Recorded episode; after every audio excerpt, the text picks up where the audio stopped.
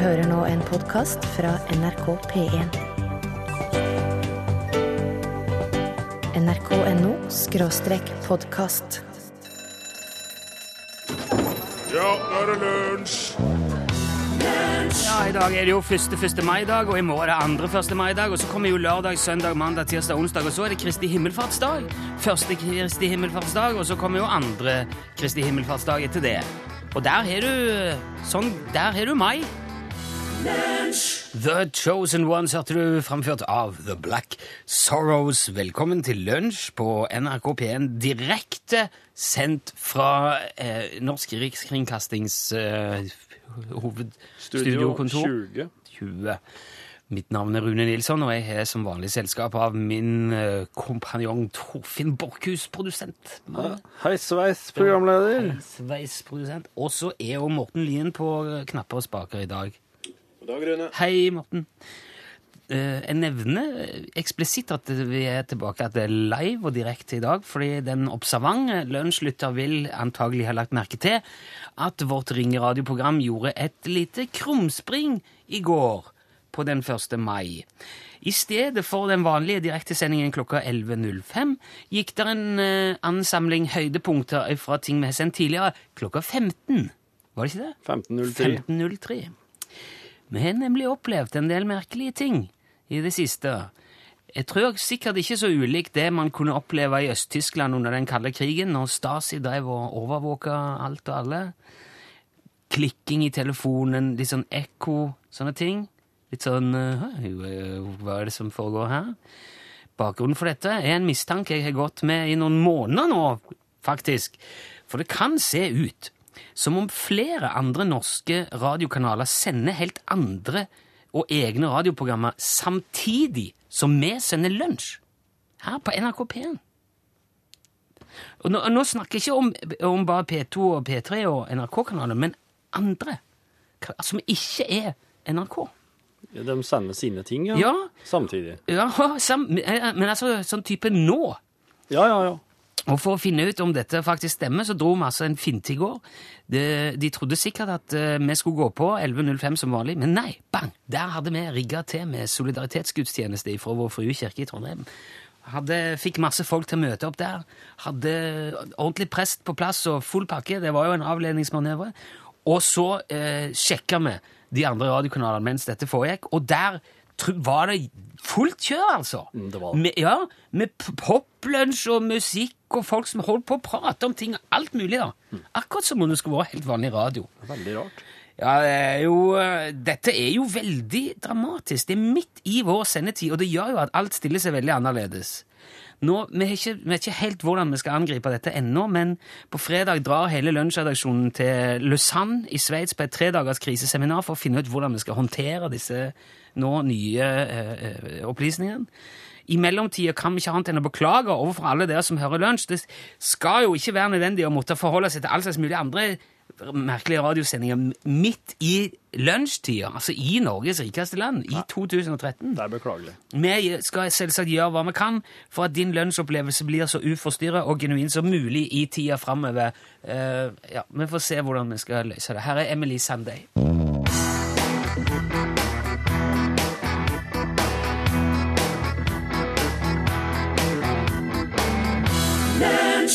Emily Sanday, Next to Me.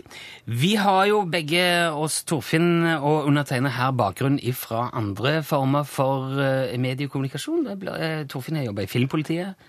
Jeg har tidligere jobba i Lydverket på, på NRK Fjernsynet. Så vi kan jo veldig mye om henholdsvis film og musikk. Ja. Torfinn har jo tidligere anmeldt filmer bare basert på tittel, og jeg har òg anmeldt ei plate bare basert på tittel. The Black Cows sin Moonshine and Milk. Ja, den var det. Og jeg tenkte vi skulle gjøre det, eh, gjøre det igjen i dag. Vi skal anmelde en plate basert på en tittel som, eh, som du sender oss, hvis du, hvis du har en idé Ja. og et forslag. Men eh, i dag eh, skal, jeg tenkte jeg skulle ta for meg en helt spesiell grein av musikkanmeldelsen, nemlig slakten. Oh, ja. For det er òg noe som er helt nødvendig for en musikkanmelder å kunne. Slakt. Så i dag så er du Du har bestemt deg på forhånd for at du skal slakte? Jo, jo, men det gjør de, som regel. Akkurat. Ja, ja, det er ikke, det er ikke noe med Det er veldig lite med musikken å gjøre, Ja. disse anmeldelsene. Det, det er mer, altså dags... Ja, det, man, det jo handler jo om å blåse i sin egen trompet, først og fremst. Uff da. Ja, ja, det gjør det. Og i dag her så bestemte jeg meg for at det skal, det skal bli en slakt. Ja vel. Så hvis du har eh, en artist og en albumtittel som du gjerne vil ha slakta på radioen, så kan du sende den til oss på SMS. L, eh, bokstaven L først i meldinga di, så hele meldinga, alt du vil, gjerne navn og adresse òg, og så sender du det til nummer 1987. Det koster én krone. Ja.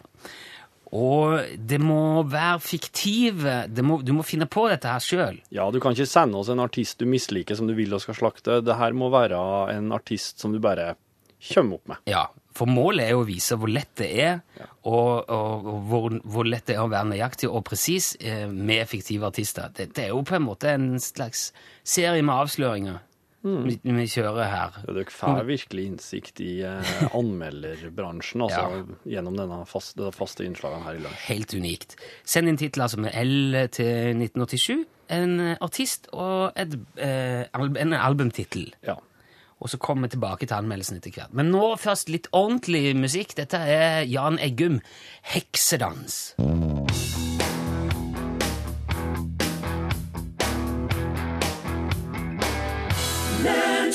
Der var han, vet du. Jan Eggum, 'Heksedans'. Der,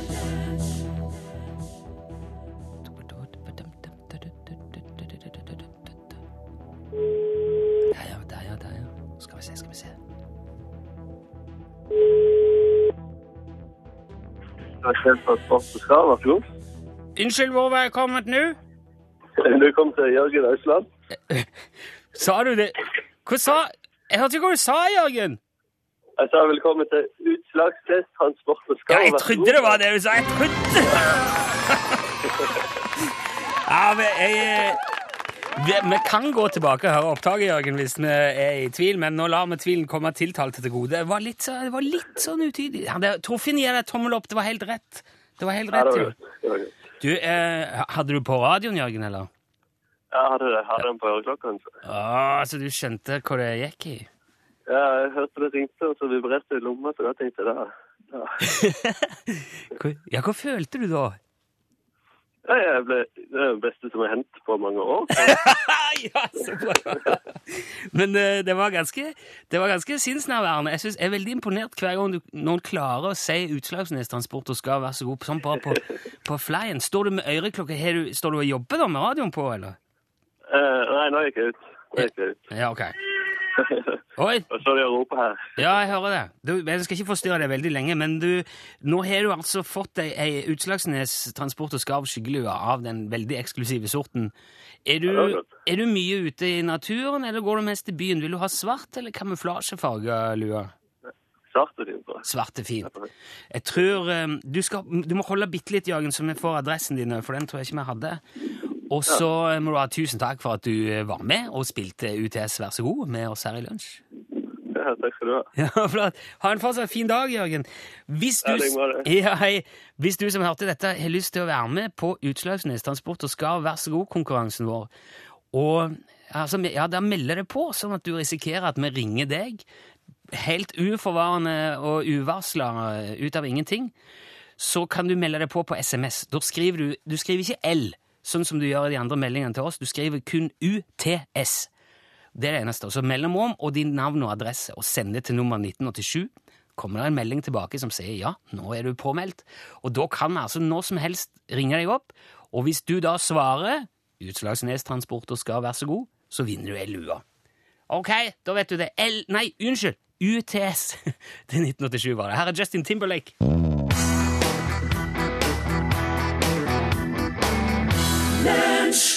Mirrors hørte du der, fremført av Justin Timberlake.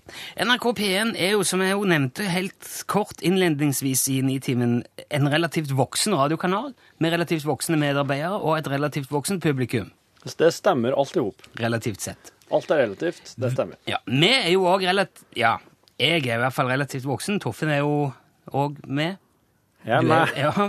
Eh, Men det er nå sånn da, at når eh, relativt voksne folk jobber sammen i statlige bedrifter, da har det en tendens til å dukke opp kake med veldig jevne mellomrom. Og det skal ikke, det skal ikke store anledninger til, kanskje, før det dukker opp ei kake. Nei, det sto kake på bordet i dag når vi gikk opp hit. Hvor var det da?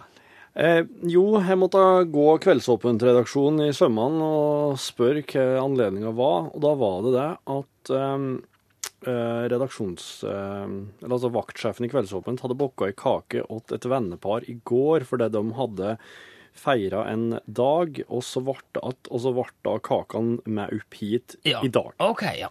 Så, ja, du har sånn spillover-effekt. Ja. Altså walkover-kake. Så bare vent nå til konfirmasjonssesongen er i gang.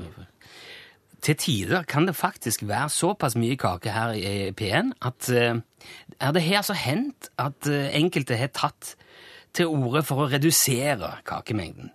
Eller eventuelt bytte ut kakene med noe som er mer sunt. Det har faktisk vært diskutert. Er Folket vil ikke ha kake lenger. De har begynt å bli mett. Noen av oss må jo være litt mer forsiktige med den slags enn andre òg, det kan være en prøvelse å holde sin sti rein når det står lukka valnøtt og surmelkskake og, og kardemomme satt fram i tide og ute i det. En gang så jeg Norgesklasse hadde sjokoladekake på morgenmøte, til og med. Det har jeg sett skje. Og da veit du hva slags eh, Da kan oss si at oi, det blir den type sending i dag. ja, da blir det veldig oppå. Ja. Um, Og dalende etter hvert. Dette har gjort inntrykk, og Torfinn eh, har på et tidspunkt skrevet en tekst om dette. Ja, det gjorde det. Ja. Eh, en kakesang. Den trodde jeg skulle bli forbigått i stillhet. Nei, jeg har kokt litt lenge på det, men eh, nå eh, i går var det tid til å, å tonesette og arrangere og produsere kakesangen. Så her har du på en måte litt av eh, ja, våre Det er Torfinns ord og min melodi og, og framførelse som setter litt ord på ja, hvordan det føles da å jobbe i en statlig bedrift som eh, går til voksne. Her er kakesangen.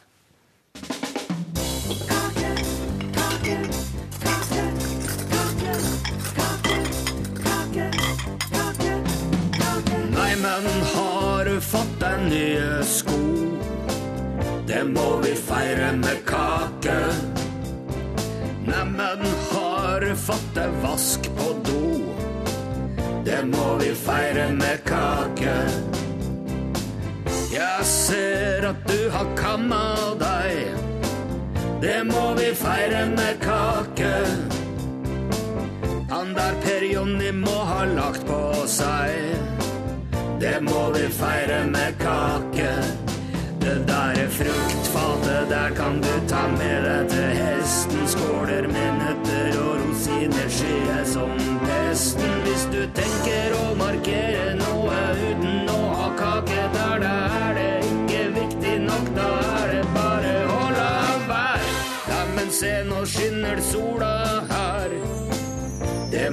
feire med kake. Og har sett så mange fine trær. Det må vi feire med kake. Det må vi feire med kake. Det må vi feire med kake.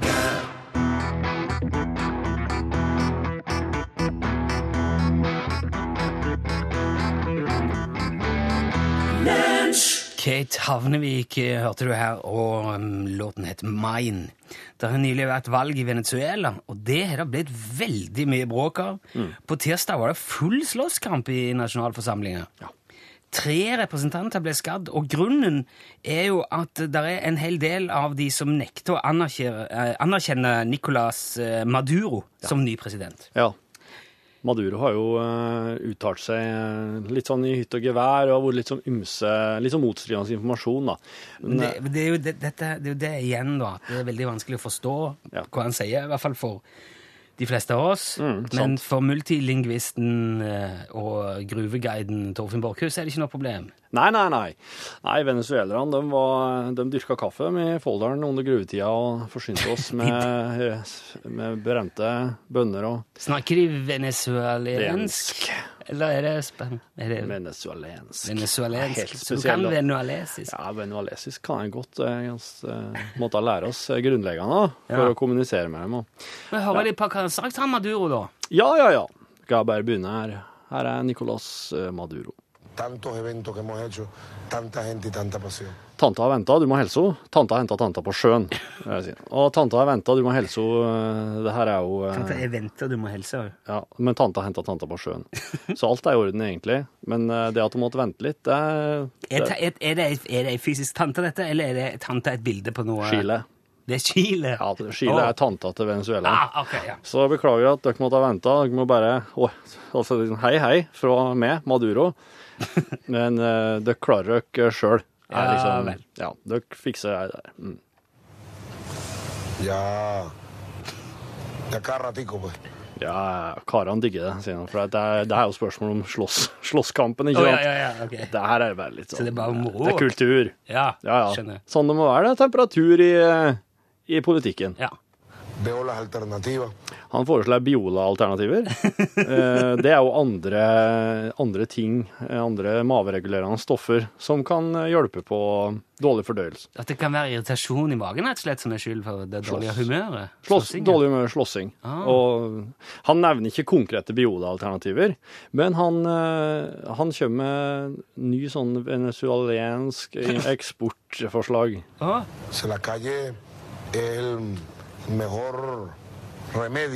Det er å selge køyer eh, med hårremedier. Og det er da Altså, det er mye hårremedier i Venezuela. De har mye hår mye av, stort, mye, Veldig mye av avfallet fra Venezuela er hår. Så han foreslår å knytte noen slags køyer av noen hårremedier som de kan eksportere. Altså, og dette er i forbindelse med denne slåssingen? Han prøver på en måte å selge inn litt forskjellige ting her. Da. Å ja. Og, og, Avlede oppmerksomhet? ja, litt sånn. Litt der, da. Se la calle Nei, den var feil. Det var, Ja, den har jeg allerede tid. Beklager. Eh, men han, eh, han har òg en slags leik som han bruker å, å ta på parlamentet Jaha. når han blir urolig. trabajar, trabajar, ayudar. Trave her og trave her. Er du der? Det her er at de alle sammen legger seg under pledd i parlamentet, og så går han og tramper oppå dem. Og trave her. Og skal jeg gjette hvem de er, da? Ja, er du der? Ja, altså, det er veldig, veldig snedig. Han er en eh, artig kar, han Maduro. Altså. Ja, det er Una dictatrampa. Hun har diktet trampa. Mm. Og, og det her er jo Sheila, da, tanta. Altså at hun eh, har rett og slett eh, ødelagt mye for sin egen poesi. Hun har trampa på diktet. Det blir litt rar ordstilling på Ja, ja, veldig.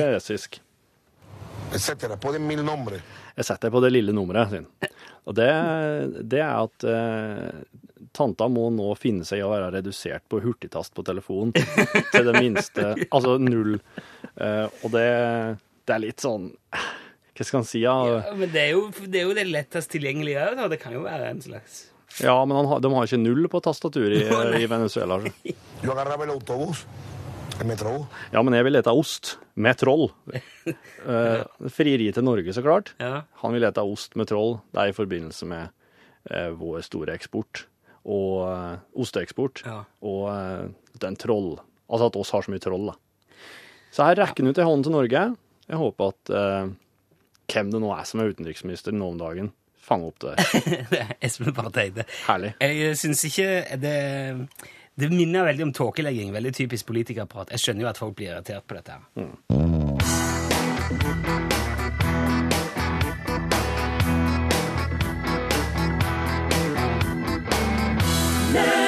The Tokens, hørte du? The Lion Sleeps Tonight. Hvorpå det er på tide med en eh, musikkanmeldelse. En slakt i dag. Ja, og så har jo fått eh, forslag som Bjøstin Krieger med albumet Smack in the Middle of Nowhere. Two Finger Tommy and his Banjo Sisters med Lucky Losers. Ståle and Hitmakers med albumet Skarven. Oh, Ja, ja. Ja. Madman and Dark Woman, Women from Okka. Den er Det er fra Rogalands... Okka, det. Ja, for Ja, det er Okka by, vet du. Artisten heter Rogalandsfanden. Lear Nedhead med albumet Face Shakers. Eh, Svenning Johan Pudding og albumet Sweet As Chili. Jeg likte også Asgeir Colorado. Rundt bålet igjen. Hvor Ja. det? Um, det er noen som vil høre gruppa The Folders framføre slik det er å være fra feil side av fjellet, men uh, det, det kan ikke stemme, for det, det må være slik det er å være fra rett side av fjellet. Men det, så ja. Så det, det Ok, det kan vi ta siden med en gang, Albert and the Headbangers med fire e-books og en lapskaus. Ok, hva, Ja. det vi skal, hva skal vi ta for oss? Det albumet du eh, musikkjournalist Rune Nilsson skal få anmelde, Slakte. er albumet Eat Your Own Flesh fra artisten The Cows. Ah, oh, ja, okay. ja, ja, ja. The Cows med albumet Eat Your Own Flesh. Eat your own flesh. Ok, Eat Your Own Flesh. Vær så god. takk skal du ha. Ja, The Cows har jo klart det kunststykket ingen så langt trodde var mulig, nemlig å undergå Bessie and the Mindblowers episk elendige album My Elbow Smells Like Vanilla fra 1976. Albumet har fått altså den lavpanna tittelen Eat Your Own Flesh, og det slår an tonen, eller skal vi si utonen, for resten av makkverket. Vokalprestasjonene på denne plata kunne med fordel vært bytta ut med et opptak fra verdensmesterskapet i diaré. Spesielt nå etter at frontfigur Edgar Slapface hadde sin mye omtalte eh, mopedulykke, og derfor synger utelukkende i falsett om dagen. Plata er produsert av Sylvester Canon, som blant annet jo òg står bak eh, Cornflake Parliament, uh, Lucy Station Wagon og operadiskoprosjektet Giant Iron Helmets with Horns. Eh, kanskje uh, det er prisen for beste utenlandske produksjon fra utdelingen av den latviske Snømannprisen i fjor, som har gitt Sylvester Canone denne muligheten, men dessverre søler han bort som kaffegrut i vinden. Lydbildet kan minne om en blanding mellom australske Pissant Living Room og The Flying Tortilla Sisters. Eh, Det veksler mellom analoge og pubertale dissonanser. Det er et skrikende fravær av autotune. Og åpningslåta Toast Baby Toast er en slags hyllest til rista brød og gir et urovekkende varsel om hva som er i vente. Jeg,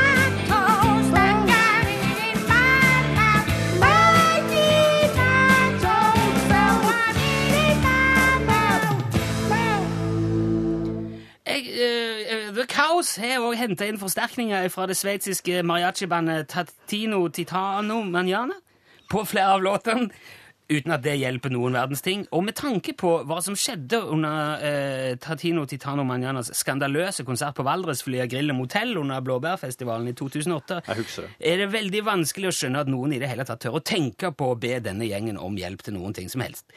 Det eneste positive det går an å si om denne plata, er at han er kort. Den eh, siste låta på albumet uh, Eat Your Own Flash heter Always Hey Never, og er vel en tolkning av Edna Rubbers sin klassiske Never Say Always.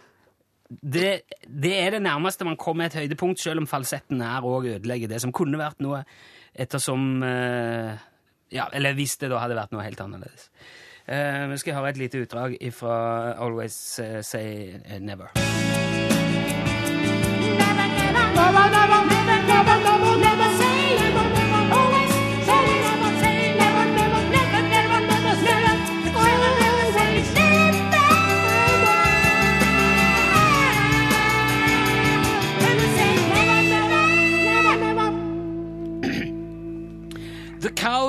Gir ordet elendig en helt ny mening med dette albumet. Vi vil heller gnage av oss albuen enn å høre det igjen.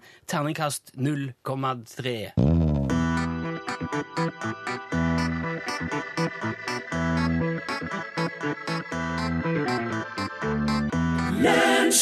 hørte bordet framført av Gabrielle. Jeg la merke til når du drev og oversatte han. Mont Nicolas Maduro. Maduro ja. Så nevnte du noe om eh, norsk eh, eksport av ost. Ja, Jarlsberg. Ja, det er litt fiffig, for i dag er det akkurat 57 år siden Jarlsbergosten ble introdusert, faktisk. Er det det? Ja, i dag. Det var Anders Larsen Bakke som utvikla osten på Østre Bakke, eh, på gården Østre Bakke i Våle i Østfold. Første gang han ble omtalt, var i amtberetningen for Jarlsberg og Larviks amt allerede i 1855. Gammel ost. Ja, gammel ost. Men det tok, det tok altså over 100 år ifra han eh, første gang ble omtalt, osten første gang ble omtalt, til han ble introdusert. på en måte. Ja vel, ja vel. Eh, og Det har tidligere blitt, blitt sagt at Jarlsbergosten oppsto på Jarlsberg hovedgård, men det er visst altså feil. da. Det skyldes antakelig en sammenblanding av navn. Men Jarlsberg hovedgård produserte også sveitserost fra så tidlig som 1815, så det kan, han kan ha vært en slags indirekte opphav til Jarlsbergosten. Nå sitter vi Torfinn opp vann, ja. Det hører veldig godt når du holder på med sånn, altså. Ja, men det er ikke noen hemmelighet at vi må drikke vann. Nei. Uansett. Mannen bak den originale osten han døde i 1899, så han fikk ikke se han introdusert eh, for eh, folket på den måten. Det var professor Ola Martin Ystgård. Det er litt fiffig at han heter Ystgård. Fiffig. Eh, Ved Norges landbrukshøgskole. Det var han som sammen med noen av studentene sine utvikla den moderne Jarlsbergosten. Det skjedde altså i 1956. Og Tidlig på 60-tallet ble han satt i produksjon, og allerede i 1961 begynte den første forsiktige eksporten av Jarlsberg. Jarlsberg. Og i dag er det ingenting Tine eksporterer mer av enn Jarlsberg. Er det sant? Ja. Eh, han lages til og med på lisens nå i Ohio.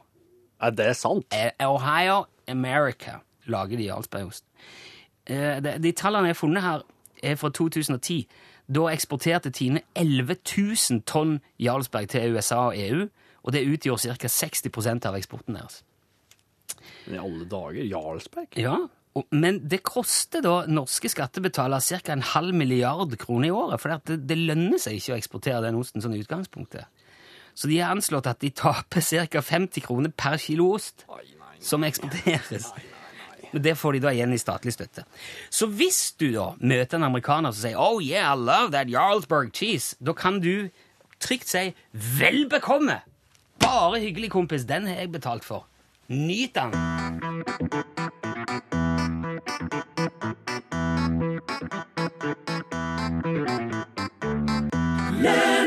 Conor Patrick and The Shooting Star Orchestra fikk uh, siste ord i dagens lunsj. Talk, talk, talk, talk. Nå er det norgesklasse. Pål Pellassen! Hallo. Hallo! Det skal handle om noe som ikke er så veldig lystig først ut i norgesklasse i dag. Oi. Om uh, føflekkreft. Uff da. Ja, og eh, det der eh, tenker jeg er ganske så skummelt, for stadig flere får det. Men hvordan vet en egentlig at en føflekk er farlig? Eh, hva er det du skal se etter? Er ikke at han forandrer form, eller at han, eller, ja, at han er i endring, liksom? Jo, men hvordan skal du liksom holde tritt med det? Ja. Eh, bak på ryggen eller nederst på foten? Eller? Ja. Det er ikke så lett. Eh, og vil en doktor huske liksom eh, de forskjellige eh, pasientene sine føflekker fra gang til gang? Eh, og så er nødt til å spørre eh, Og så må man kalle inn et klokt hode, Ja. rett og slett. Og det kloke hodet har et eh, verdslig navn som er Wasim Saeed. Han er lege og skal svare på våre spørsmål, og ikke minst lytternes spørsmål om du lurer på noe om føflekkreft. Kodeordglasset til nummer 1987. It's. Game on. Game on! Game set. Ok, rotation for him. God dagen. Her er produsenten for lunsj. Jeg sitter, sitter på kontoret, så har et uh, lite krypinn på uh, ja, 12 kvadrat, som vi er fordelt på.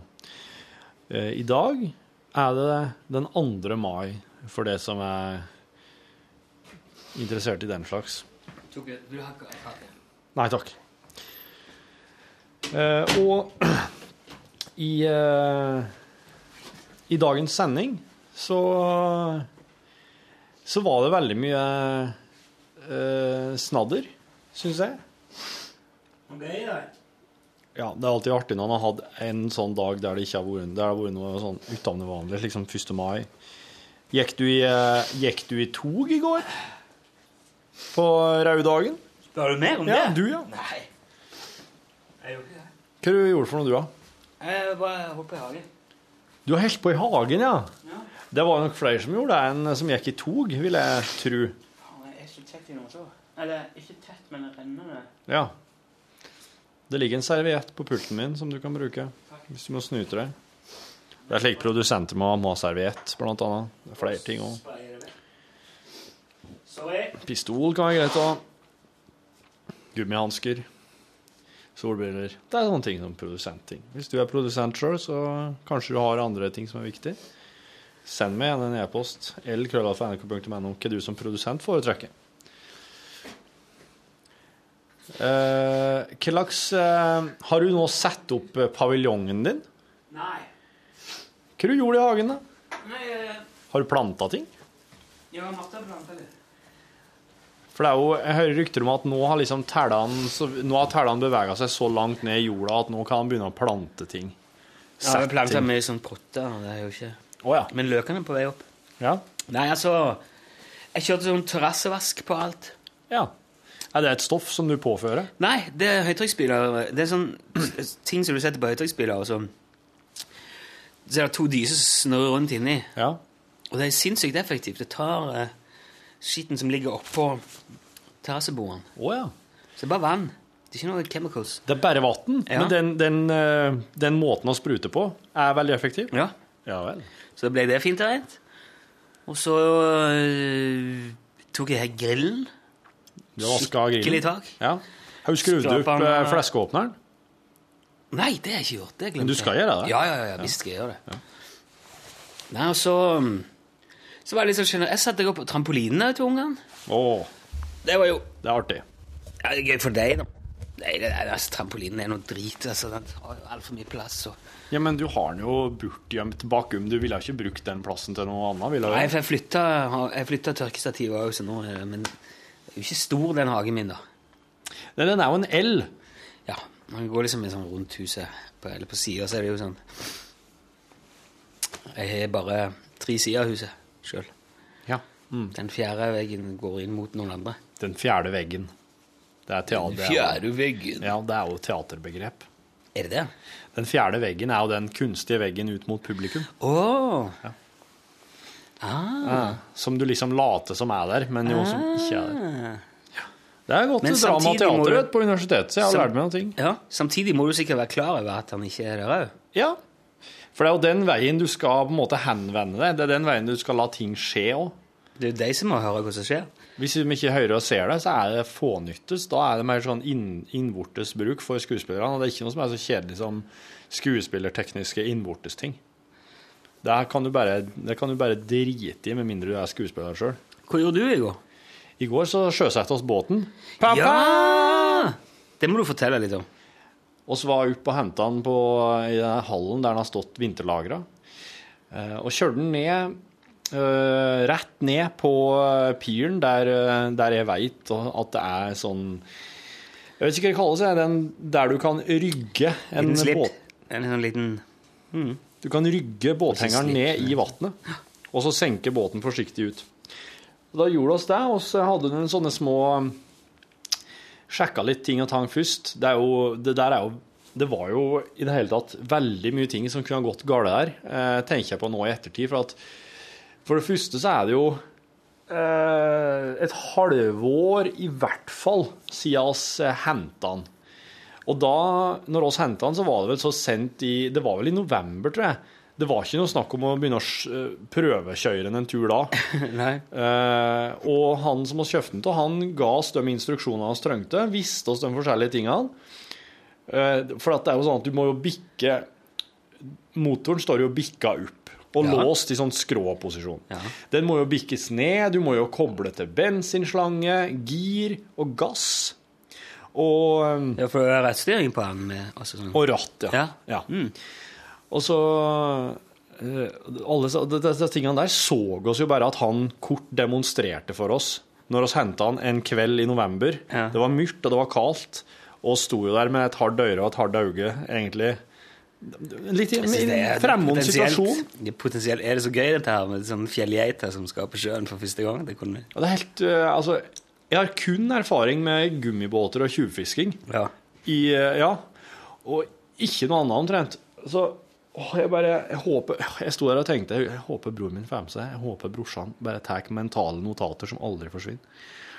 Og, men brorsan, brorsan har så lett for det, slike tekniske Ja. ting, mekaniske ting. Ja, Noen ser det, vet du. Han er bare han, Når oss kom ned i går på piren, og båten sto der på hengeren, og så måtte jeg liksom sjekke at motoren gikk, og så måtte jeg koble den til og sjekke at ting funka. Han bare kobla på og ordna. Det virka som det var liksom sånn Det er omtrent som når kjeften går på meg i en sosial sammenheng, da. Det er jo ikke akkurat rakettforskning heller, da, med poengs. Nei da. Men der oss sjøsetten, da, der går jo kanalen rett ut i fjorden. Og vinden sto rett ut i fjorden. Ja, for det var ikke hvis- sånn typisk veldig fint vårvær i går. Nei, det var ikke. Men oss var jo bestemt på at vi skulle ut med den. For oss hadde jo også fått beskjed fra han og skal ha en lagra så på helårsbasis eh, nede på havna, at vi kunne ha kommet med den i går. Så da visste vi at vi skulle. Og så bare som en anekdote så kan jeg si at nå snør det ut forbi her. Det gjør det òg. Men i dag er det jo en storm... Det er jo noen stormvarsel. Ja, jeg vet det. Jeg skal bli til dekket i morgen. Ja. Men jeg tror ikke det legger seg snø nå. Nei. Men uh, mye Var det ikke, hvor var det henne jeg så? Var det Florø, tror jeg? Ja. Der var det jo mye snø i dag. Og der har sikkert mange lagt um. Tror du Ja, ikke? ja, ja. Og det var sånn de sa ikke kjør hvis du har gjort. Hold da. Da går det til helsike med deg. Ja. Ja, nei, så motoren starta. Ja. Litt grann bensin på tanken. Fikk kobla til alt funka fint. Oss eh, rygga ned. Eller det kom en annen en, fyr- eller kom en annen en mens vi som sto der og skulle rygge ned. Men så ville oss oss ville bare sjekke litt mer ting og være helt sikker først, og så lot han fore først. Og se når han gjorde det. Ja, han, men, men det som skjedde med han, var at når han hadde sett båten nedi vannet, da sto liksom båten bikka ned fra hengeren med ræva nedi vannet. Da starta ikke motoren hans. Han fikk ikke start på motoren sin, så han måtte bare dra opp igjen. Så han måtte opp og jeg vet ikke om han prata om han skulle bytte tennplugg eller noe sånt. Men eh, ja, vår starta. Da rygga seg nedi når han endelig kom seg opp igjen. Rygga nedi, starta motoren, slepte den uti. Gikk så som smurt, vet du. Og jeg er i båten og ratta rundt og gassa på og dere har crossa rundt ute i eh, kanalen her. Er helt ulovlig, så klart. Det var sikkert ikke etter båtvettreglene det jeg drev med der da, men jeg har nå lov til å kjøre denne båten der, for den er så så liten og har så så liten motor. Og det er jo fem, sikkert tre eller fem knop i- inni der, da. Det er nok det. Jeg vet jo ikke helt hvor mye det er. da. Hvor mye er en knop? Ja, hvor mye er det? Det er ikke så, det er ikke så mange kilometer, det. Nei. Nei, du, du skal kjøre veldig sakte inn i kanalen. Den skal det. Du må ut av, eh, forbi moloen før du kan gi på. Må jeg. Mm. Så um, ja, så kom kjerringa og ungene, og uh, brorsan kjørte opp igjen bilen og hengeren, og uh, jeg tok på han om bord, og så avtalte vi bare med kjerringa og ungene at dere skal ikke begynne å stable dere uti her nå, for det var bare sånn steiner og glatt og liggende kan- steinene der for at de skal gå om bord. Så de kjørte på nedergaste sånn båtbrygge og gikk om bord der. Ja. Og da var på med redningsvestene vet du, og kaffe på termosen, og det var eh, godt kledd. ja, det må man være. Så kjørte oss litt rundt i kanalen altfor fort. Til eh, broren min som kjørte, så var det en sånn fyr som bare Hei! Hei! Kjør saktere! Kjør saktere! Det blir så store bølger! Og så så vi oss bak oss og bare Oi, det var bølger, det. Broren bare «Buh!» Kjørte oss sakte resten av dagen. Ja. Og så kjørte oss inn, i, eh, inn på en sånn seilbåthavn der, oss hadde, der jeg hadde googla meg fram til at det skulle være bensinstasjon for båter. Og så kom vi dit, og Kjørte dritsakte. Langt, vet du. Kom oss fram dit, og bare Er det her det er bensinstasjon, sier jeg. Å, det er bare diesel! Hva er det der, da? Kun diesel. Hva er, er det båter som går på diesel? Hva er det her for noe? ja, selvfølgelig er det. Ja, nei, det skal ikke jeg ha. Jeg skal ha bensin. Så han måtte snu, da. Putte det tilbake. Og ungene kosa seg åt noen stopp. Og når vi kjørte forbi med sånn skikkelig rolig tempo på tur tilbake, så så jeg meg så han som ropte at vi kjørte for fort. Men da var han ikke her, da. For da tenkte jeg skulle si bare Se nå. Her, her! Se her! Den går sakte òg, sjø. Ja, hvis, eh, hvis du kjører liksom akkurat litt feil tempo, så kan du lage veldig store bølger. Da driver båtene og slår og så Ja, det det er- så kult for de, vet du. Jeg skjønner det. Jeg Men du kan jo kjøre så fort at du nesten ikke lager bølger. Det er, Ja. Men da så det er ikke noe sånn automatikk i det. Du, vet du, det kom, det kom et sånn 1. Får han mai plan? Hvor, hvor stor er den båten? Hvor lang er den? Den er 13 fot. 13 fot. 13 fot, ja. Det er ikke den store båten. Nei, det er som en liten, liten bil. Ja. Og så er det Hvilken motor er det på? Det er 20 hester. Evin Rude. 20. ja. Jonsson Evin Rude er jo samme motoren, vet du. Du, det der hørte jeg så mye om, men, jeg, men når Bård og Harald drev masa om det der, så trodde jeg at det var kanskje at det var tull, da. Nei, det er ikke det. Nei, det er det. Men eh, er Jonsson og et norsk, eller er det svensk? Nei, det er vel svensk begge, er ikke det? Evin Rude? Det høres ikke svensk ut i det hele tatt. Det høres ut som et veldig norsk navn. Men iallfall så Og så ringte jeg vår kollega Børge da, for å høre med han hva det var bensinpåfyllingen for båter. Og da kunne han fortelle meg at det var jo bare ved en helt ordinær bensinstasjon som ligger eh, i, eh, ikke så langt unna vannet. Og de hadde egen pumpe, så det er jo topp. Og da eh, da, Hvis vi hadde kjørt veldig fort, da, da ute av lave bølger, da hadde vi havna i en veldig skummel situasjon ved ene brua. For der kom eh, OK, du gikk inn på Eivind Rudes hjemmeside, og da ble det bare helt krise på telefonen. Mm, gikk ikke det. Du fikk virus du nå sikkert på telefonen din fra Eivind Rude. Takk. Jo, så eh, Det kommer altså, det kommer et slags 1. mai-opptog på elva, på, i kanalen. Det kom sikkert 50 kajakker i samla flokk. Så vi oss måtte bare legge oss ut til sida og Altså, jeg jeg vet ikke helt hvordan det der, hva, hva de sier på båtførerprøven om det der, men hvis det kommer altså Kajakkene er jo på en måte bo, vannveiens mjuke trafikanter, da, tenker jeg. Bortsett fra dem som svømmer, da, men de er det jo ikke så mange av. Det var Ole Even Rude som fant opp, eh, som laga Even Rude-motor. Han var norsk, fra Gjøvik. Ja. Men han eh, hadde, Han skulle lage en automatisk romaskin. ja, OK. Flyttet han til USA, og så ble det noe der. Men det ble kjøpt opp uh, av noe greier. Han gikk konkurs åtte ganger, han. O Ole Eivind Rude. Ble i Det er veldig Ole Evenrud. Jeg hører liksom Ole Idole når du sier det. Ble, Even Rude ble i 1936 slått sammen med Jonsson Motorkompani, og Ole Even Rudes sønn Ralph ble sjef der. Ralph Eivind Ralph Evenrud. Ralph Evenrud. Ralph Evenrud. Evenrud. Evenrud. Ralph Evenrud. My name is Ralph Evenrud. My father invented uh, the uh, mechanical rowing machine. Uh, Jonsson I have a lot of royalties from that. Concrete. Uh, Jeg er så specific. slaven i nesa om dagen. Jeg nyser så forferdelig mye. har du allergier? Jeg vet ikke. Jeg tror kanskje, jeg tror kanskje det. Kom det i går, kanskje? Nei, det, det kommer og går. det kom og går, ja. Kommer og Det går. kommer, det kommer og går. Men er du enig i det at en bør vike og bare legge seg ut når det kommer 50 kajakker imot?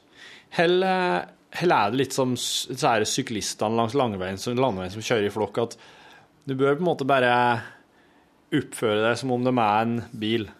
Og Nei, du må Nei, det, man, skal være, man skal være kul på sjøen. Ja, ja, ikke sant. Ja. Ja, nei, men også, også var veldig kul å lase ut og vinke og hilse. Det var veldig sånn der, eh, og broren min er det slik å kjøre på kanalen at en skal hilse til alle? Er det som når en går i fjellet? Ja, eller kjøre motorsykkel. Ja. Ja, kjøre motorsykkel, ja. Ja, De hilser deg, vet du. ja det er jo veldig koselig, det. Mm. Ja, man vinker jo på sjøen, ja. Men hvis, det, hvis, at, hvis at folk er ute og svømmer, eh, da blir de jo veldig vanskelig å se. Er det lov? Er det lov å være ute og svømme bare slik? Der det ferdes båter? Ja, selvfølgelig. Det er jo lov å svømme, ja, men det ville være dumt å svømme midt i, eh, Ja, det ville i det. skipsleie, liksom. Men hvis jeg er uheldig og kjører på en som svømmer, er det da noe sånn eh, Ja, nå blir det, nå havner du i fengsel? Eller er det sånn at han som svømmer, som havner i fengsel etter at han har fått behandla skadene? Jeg tror jeg er som å spørre hvis du kjører på en fotgjenger, eh, kommer du da i fengsel? Ja, men hvis fotgjengeren gikk midt i veien? Ja, og det var mørkt, og du ikke hadde sjanse til å se ham, eller han hadde Han lagt kledd- seg ned på veien. Han gikk i Ja, han var han var en ninja. Ja, han var ninja, ninja asfaltfarger. farger. Ja, hva tror du sjøl? Jeg tror at eh, han havner i fengsel etter å ha fått behand, sånn kort, kort behandling for skadene. Og jeg går fri, og jeg får en klapp på skuldra og bare Du, det der beklager oss, sier de på Det var ikke din feil. så. Ikke min feil. Vegvesenet legger seg flat for at de driver og farger veien i motefarger. Jeg tror, ikke det, jeg tror ikke det er helt sånn konklusivt, det der. Jeg tror det er litt sånn Men tenk om veien hadde vært helt signalgul. Da hadde du jo sett veldig godt om det var noe i veien. På, på veien. Tenk så masete. Ja. Kjøre på gule veier hele veien. Jeg vet ikke. Beine veier, det hadde vært noe. Sol og beine veier. Ja. det hadde vært noe. Ja. Nei, så oss um, ja, og oss kom oss etter hvert Alle så 50 kajakkene passerte jo, og de uh, strålende fornøyd, så tøffa oss videre og, og, og kjørte opp. Altså, så var kanskje ute en times tid. Ja. Bare rundt inne i kanalene. da. Oss turtes ikke ut på fjorden, for oss hadde ikke årer. Eh, og det er sånn årefester på båten, sånn at hvis Tollepinner. Tollepinner, ja. Så hvis motoren skulle stoppe, så har vi i minste årer. Men det er altså derfor vi ikke torde utpå Eller kanskje ikke tolvpinner, hvis det er åregafler eller sånn. Ja. åregafler, ja. Tollepinne, det er jo noe, det òg. Ja, det er, Og så har på sånn- gamle eh, børinger sånn, så sto det jo to pinner oh, ja. nede i, Ja, i sånn, et ja. hull i ripa som du la året imellom. Ja, nei, den er jo litt annen. Det er jo mer som en e Og noen la gjerne, et tau over der, sånn at det skulle, Ja. skulle holde seg. Så det var en fin alltid tur. trøtt når de- knekker jo av og til, de. Ja. Da har du For da har du sånn Altså, for at hvis du ikke har et åregaffel eller tolvpinne, da må det jo være et helvete å ro. Ja, det, går, det er veldig fint, ja. Ja. Da må du sitte en på hver side og padle, da. På en indianerpadling. Mm.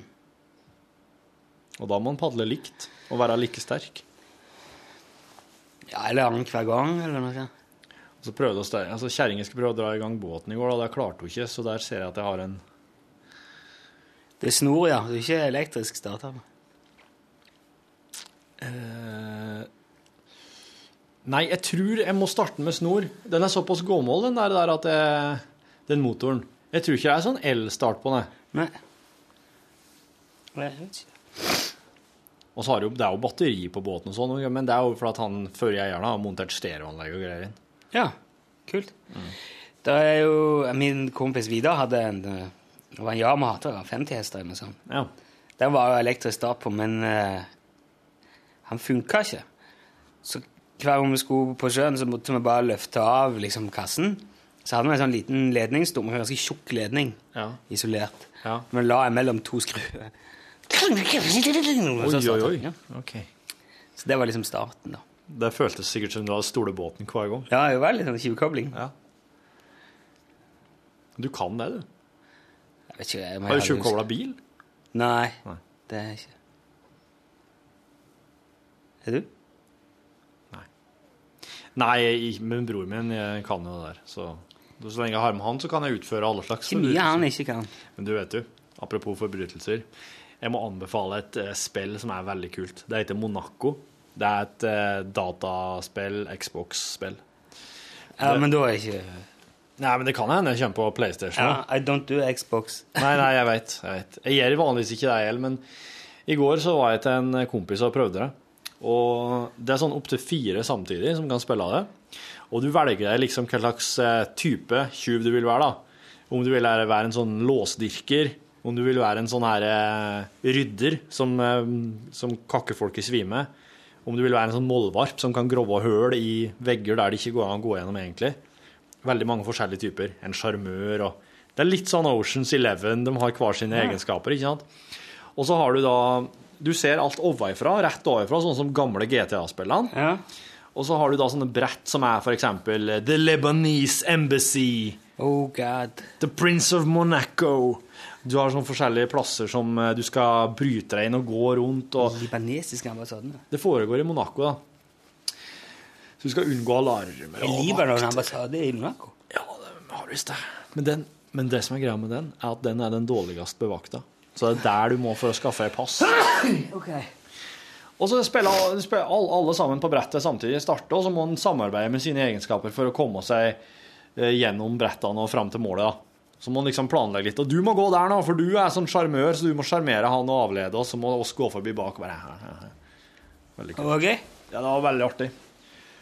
Og så eh, Musikken der er litt sånn eh, piano, jazz-piano, eh, som blir mer og mer hektisk, og etter hvert som det blir mer og mer kaos i spillet. Så så måtte jeg skru av enda til slutt, så måtte han Rune, som jeg spilte lag med, smelle på noe Doors på vinyl. Og satt ikke og tok narkotika, altså. Bare fordi vi oss hørte på Doors på vinyl samtidig. Går det an å høre det uten narkotika? Ja, det, det Jeg gjør er ikke visst tålt det. å kjøpe deg, for det vil jo ikke sitte med Nei, jeg, nei det, gikk, det gikk bra. ah. Så, men, eh, men, så, men jeg tok en pils, da. Jeg ble litt sånn eh, Når jeg fant ut at The Doors hadde jo uh, bassist, så så ble jeg litt sånn eh, ah, Da vet jeg ikke. Ja, men han, var jo, eh, han var jo et fenomen på tangenter og Ja, orgelbassen. Ja. orgelbass. Han Mansarek Nei. Manzarek Bandana. Ray Mansu... Rayman. Manchego. Rayman Johnson Manchego. Rayman Johnson Manchego. Fantastisk pianist. Og Derek Balls. Orgelist. Orgelist, ja. Organist, selvfølgelig. Uff. Du sa Orgelist. orgelist, eh, ja. i fullt alvor? Jeg tenkte jeg skulle bare Nei. Det var ikke fullt alvor. Det var for tull, men eh, Hva er det du sier for tull når du eh, tar telefonen hjemme? Sier du noe spesielt på tull da? før sa jeg mye Statens institutt for strålehygiene. Hvorfor slutta du med det? Jeg vet ikke. Jeg har mest bare glemt det. Ja. ja. Det er ikke så, det er ikke så artig nå, for du ser hvem som ringer. Jeg pleier ikke å presentere meg nå, jeg sier bare høy. Ja. Ja vel, Torfinn, sier jeg liksom, hvis det Ja. er du som ringer. ja. Jo, det er fint, det. Det er litt, du, du, sparer deg jo for egentlig alle de der frasene som du hadde før. Ja. En um, tidligere sjefen min i lokalradioen i Egersund, han sa alltid Store, store Norske Spitsbergen Kullkompani AS. ja. Jeg, jeg jeg, jeg, I dag så var jeg Barnehagen jeg jobber i, eh, nei, barnehagen jeg har unger i, de presenterer seg alltid med Ja, det er barnehagen eh, eh, Ninja- og kamuflasjeteknikk. Eh, avdeling Nei, han er en som jobber her. Presenterer alltid barnehagen med barnehagens navn og sånn, sånn spesialkategori for eh, pedagogikk. Ja. Ja, Det er jo et litt, litt krydder i Men det er litt annerledes når folk ringer på en sånn fasttelefon, for da er det liksom Da vet du aldri. Nei. Eh, en som har vært med i podkasten her en uh, del ganger, Martin Aas. Ja. Han har ordna seg fasttelefon nå. Oh. Han er jo under 30 år. Det er jo nesten sånn at vi skal ha modem, da, sikkert, på det. For han er jo sånn data. Han driver visst og bygger noe helt vanvittige greier i Minecraft nå. Ja. Et gedigent prosjekt. Det er òg noe vi skal prate med dem seinere, merker jeg. Det er jo Altså, det å ha tid til å gjøre sånne ting Ingen forstår Ja, ja. Men du, eh, når eh, Heimer så det om kveldene, hva du gjør, hva er det som tar opp tida di? Hva er det som gjør at du ikke kan bygge hele Egersund i Minecraft? jo, jo. jo, Jeg kan det. Jeg prioriterer jo bare helt andre ting, sikkert. Kunne du tenkt deg å bygge deg Egersund i Minecraft? Nei. Eh, Kan du gi to-tre grunner for at du ikke Ja, men jeg vil prioritere andre ting heller. Hva er det som er viktigere enn det? Det er sikkert ikke mye som er viktigere enn det. Jeg bare velger å prioritere annerledes. Nei, det er et valg du står for. Eller, ja, ellers så hadde jeg jo løyet på meg at jeg skal snart gjøre det, men jeg har bare ikke kommet så langt ennå, eller noe sånt, hadde jeg sagt da. Du prater sant. Hæ? Du prater sant. Jeg prater du, sant. Når du sier at du står for det. Ja, ja. Men er det noe Så har du tenkt at jeg har bygd folder i Minecraft? Å ja. Det skal jeg jo gjøre. Ja. Når folderen er ferdig utbygd nå, med alle tårnene og alle eh, gal gallionsfigurene Ja, mot fylkesgrensene. jeg så jo, det er jo flere sånne konkurranser, så det er noe som, flere som har bygd Nidarosdomen og Ja. Men så så jeg jo det er noe som heter På kloss hold, som var her nå forleden. Ja. Lego-utstillinga. Ja. Ja. Altså bygd slott i Lego og Mm. Altså det kongen det norske, kongelige norske slott. Det noen som hadde bygd det, ja. Mm. Det var veldig stilig. ja. Jeg kunne, jeg kunne, tror jeg kunne heller tenkt meg noe sånn og prøvd å være med på. OK, bygd fysisk. Ja, ja. Ja. Og så er jeg har Det er gøy med å lage en sånn liten modelljernbaneby Jeg skal akkurat å spørre deg om det. Det er kanskje du kunne ha tenkt deg det, ja. Men hadde du da kommet til å bygd en sånn eh, lite tettsted med en stasjon, litt forskjellige bygninger, butikker, privatboliger, litt natur rundt, toget kjører i en tunnel, kanskje over ei bru, Ja. hadde du da kommet til å plassert en svær dinosaur oppå fjellet? Nei! Hadde du, du hadde kommet til å latt det bare være helt realistisk? Nei, men, jo, men eh, vet du, sånn var det før da vi lekte med biler og sånn. Ja. Når vi var unger. ja. Kunne ikke blande forskjellige skala biler, eksempel. Går ikke? Nei. Du, skal, du kan ikke ha en trailer som er mindre enn en Opel Ascona. Det, det går ikke an. Kan, kan ikke den være en slags uh, dverg, da? Nei. I, Nei, nei, nei. nei. Men det kan jo være en Nei.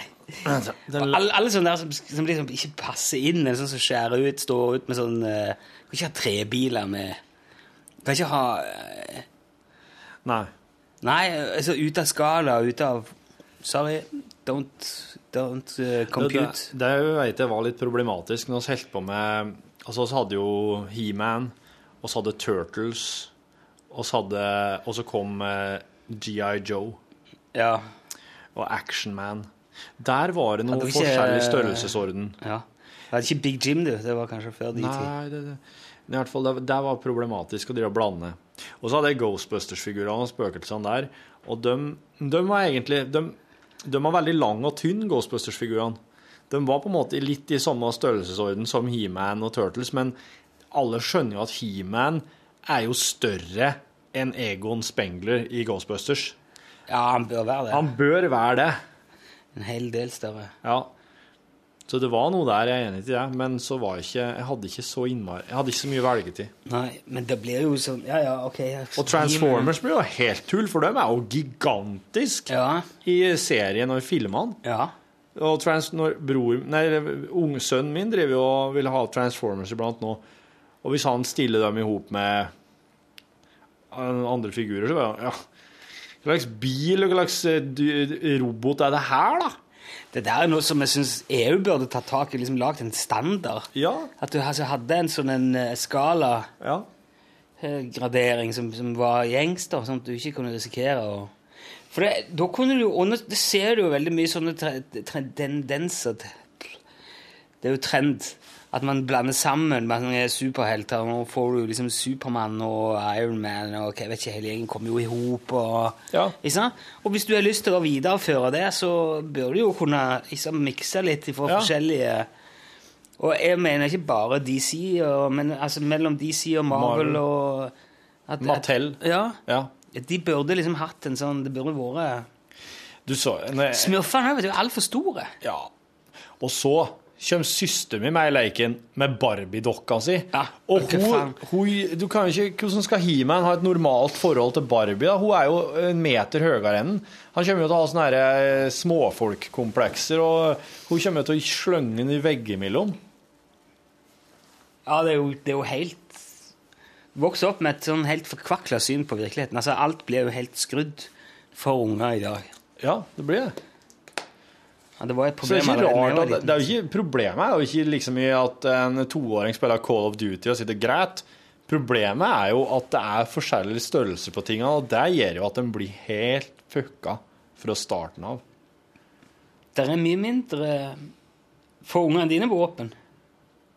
Eh, det har ikke vært så mye spørsmål om det ennå. Jeg tror kanskje ikke de har noe De har sjørøversverd. Det kommer vel snart noe pistol- og børseforespørsel, tror jeg. Får han det da? Eh, ja, det tror jeg. Ja, det ja. Jeg fikk jo det igjen da jeg var liten. ja jeg òg. Men det gjorde meg ikke noe godt. Ikke? Men du er jo Hva, hva er det du sier nå? Nei, jeg ble ikke noe bedre menneske av det. Ble du verre? Nei, det sier jeg ikke, men det hjalp ingenting. Ok, Hva du fikk når du var liten som gjorde deg godt, da? Nei, det vil jeg, eh, altså Si det, da. Star Wars-figurene mine. Det gjorde jeg godt. Det gjorde meg nok godt. Men det, du er, For du er ikke noe glad i våpen nå? Nei. Du har ikke noe Du, liksom, du kunne ikke tenkt deg å være på pistolbanen og sånn? Nei, jeg har aldri vært med på det. Ja, men da kan du nesten si at okay, har, du, har du opplevd noe fælt med våpen eh, i oppveksten? Nei, men det er jo folk eh, Jeg kjenner veldig mye folk som skyter, og det var mye våpenleking. Vi dro ut på sjøen og skjøt med hagle, eller de andre skjøt. Men så utarter det seg jo, og så skal vi se Jeg lurer på om du kan ta liksom den ene stykket av den brygga der, hvis du bare skyter rett nedi, og så spretter kulen i fjellet under, og så er det Ok, så det var litt Slår Øyvind i ræva. Ja, men jeg syns ikke å skjøt ned trær og sånn Ja. med hagle ja, jeg skjønner at det her er, det her er ikke spesielt bra. Det er litt sånn eh, Ja. Ja, nei, så man kan si at du har nå opplevd, eh, du har opplevd noe som var, opplevdes ubehagelig. Og det kan hende at det er det der som gjør at du ikke har noe sans for det nå. For du hadde sikkert et normalt forhold til våpen når du var liten og lekte med det sjøl? Sånn tullevåpen? Nei, Da var det bare cowboy indianer og bang, jeg, og bang, lille Rune, bang. Ja. Uten, ja. Jeg traff ikke, jeg har jo ikke lov å si det. Ja, ja, ja. liksom. Ja. Så var det om å gjøre bare stå på sånne kule plasser, sånn at du kunne dette litt spektakulært når du ble truffet. Kaste sånn ja. Seb McCahan med skinnbuksene frynsene og greier. Det var mye cowboy og indianer. Alle, ingen som ville være indianer, det var det eneste. Det var bare cowboyer. Men de skjøt jo på hverandre, de. Det var jo aldri noe problem, det. Så etter hvert så ble det liksom Star Wars, men så krympa det ned. Og så sprang i skauen og lekte med figurene. Det var jo veldig kult. Bygde en hel sånn Wookie-landsby oppi Hvordan ser en Wookie-landsby ut? Det tror jeg faktisk ikke jeg har sett. Ser Nei, du ikke noen- Wookie, nei, Evo- Ewok. Ewok, ja. Ja, ja, ja. Trehus. Ja, det var mm, Kult.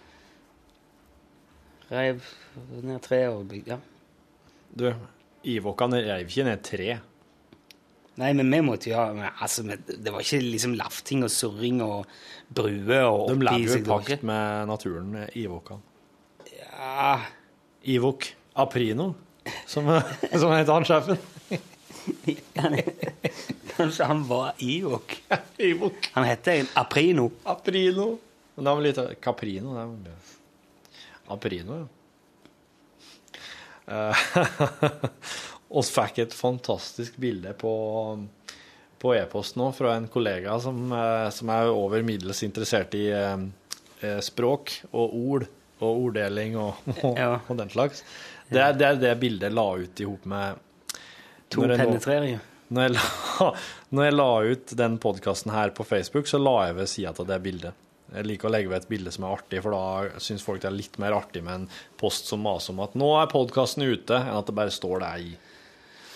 Og det er altså et bilde av to sånne ringer som ligger på et bord, og det er, de er logga av tre. Og de er veldig pene. De er veldig pene. Så Det er to penetreringer. han I går fikk jeg meg to penetreringer, står det i ett ord. Han Lars, altså. Han er my kind of guy. Han spiller i et band som heter Tonka, forresten. Tonka er jo òg, apropos leketøy Er det? Tonka, Tonka Truck. Ja, ja, ja, ja det er jo sånn sandkasse... Ja, ja, men òg Ja, de har sikkert sånne store plastting, så du kan, men de hadde òg mindre De er veldig holdbare. Er de ikke? Ja, kanskje det. De tåler mye. Tåler at en voksen mann setter seg på dem og banner og reiser seg opp. Jo, men jeg tror du kan sette deg på det meste og banne og reise deg opp igjen av sånne I hvert fall eh, litt mindre modeller. Biler. Tåler at en voksen mann detter oppå dem med OL og stumper sigaren i hytta og reiser seg opp. Ja, da begynner det å bli Kommer an på mannen òg. Ja, sant. Altså, men når jeg sier mannen her nå, så mener jeg alltid eh, han eh, Idar Vollvik. Den størrelsesorden. Å ja, ok. Ja. Ja. Jo, men han er jo veldig sånn uh, gjennomsnittlig på mange Ja, for det er det jeg tenker, alle vet hvor stor Idar Vollvik er. Alle vet at han er liksom Ja. sånn på snittet. Det jeg kan tenke meg så kan være et problem akkurat med Idar Vollvik, er at nå eh, går det jo veldig på stumpa. Han prøver å jobbe seg opp igjen. Og han selger jo ikke sant, alt fra bunader til badestamper. Elektrisk sigg. Elektriske sigaretter ja, på eh, internett. Så han går sikkert med veldig mye mynt i lommene. Oh, ja.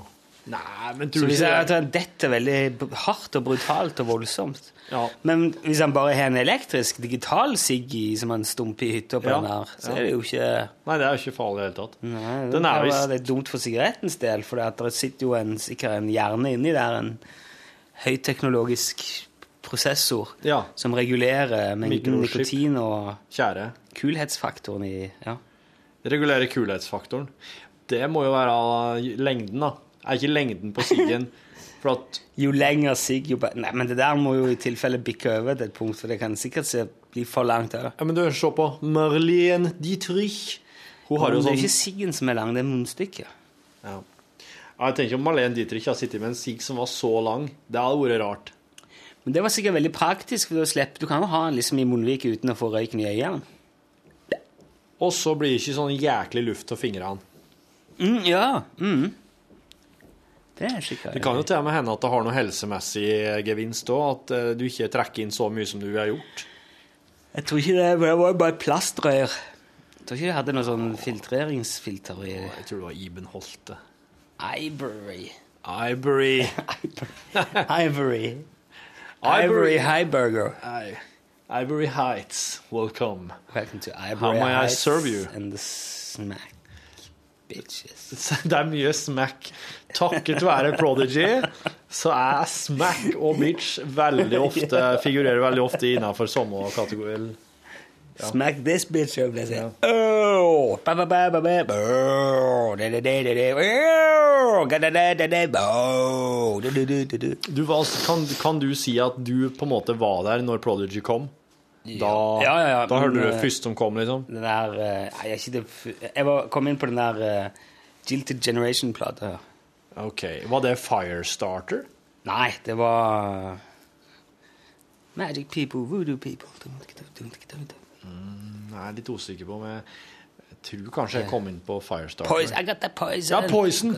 Det var Jilted. Mm. Ja, ok, men da, da, da hørte jeg Poison når det kom. Det, men, men den kan jo Oppi Oppe i Nord-Østerdalen, der jeg vokste opp jo, jeg, Det er jo så fucka. Jeg kan jo aldri være sikker på om når jeg hørte det første gang at det var da det kom. Det tviler jeg på. Sannsynligvis var det mange mange år etterpå, ja. Ja. Hvis jeg, kan du si meg når Poison Eller Hayden Remedy Poison? Nei, Poison, ja. Kan du si meg når den kom? 90 90 Ja, omtrent. Fordi at eh, jeg kan si deg at jeg hørte den i 98. Um, jeg mener på han må ha kommet før det. 90, nei, 97. 97. Akkurat når jeg hadde flytt eh, på, på begynt på videregående. Skal se hvor mange år det tok å få, få den. Music for the jilted generation. Ja, jeg, jeg, jeg hadde tenkt til 94 Ja, ja, 94, ja. 94! 4. juli 94. Tre år etterpå! Tre år! Jeg satt og tenkte på at det kanskje var, 90, var det 94, men så sier jeg OL på Lillehammer, var det så tidlig? Var det det? Jo, men ja, det stemmer bra, det, altså. 94. Og nå, er, den sto jo her, så da stemmer det jo ikke. Forskyvd alt. Alt jeg opplevde, er jo helt forskyvd. Fram til ja, men du er jo så ung her at det er jo ikke noe å si. Nei, det har det kanskje ikke. Nei, men eh, skal oss kle til oss, da, og eh, Hva får du gjort? Ja. OK. Du som har lasta ned podkasten vår. Du skal ha mange takk for det. Eh,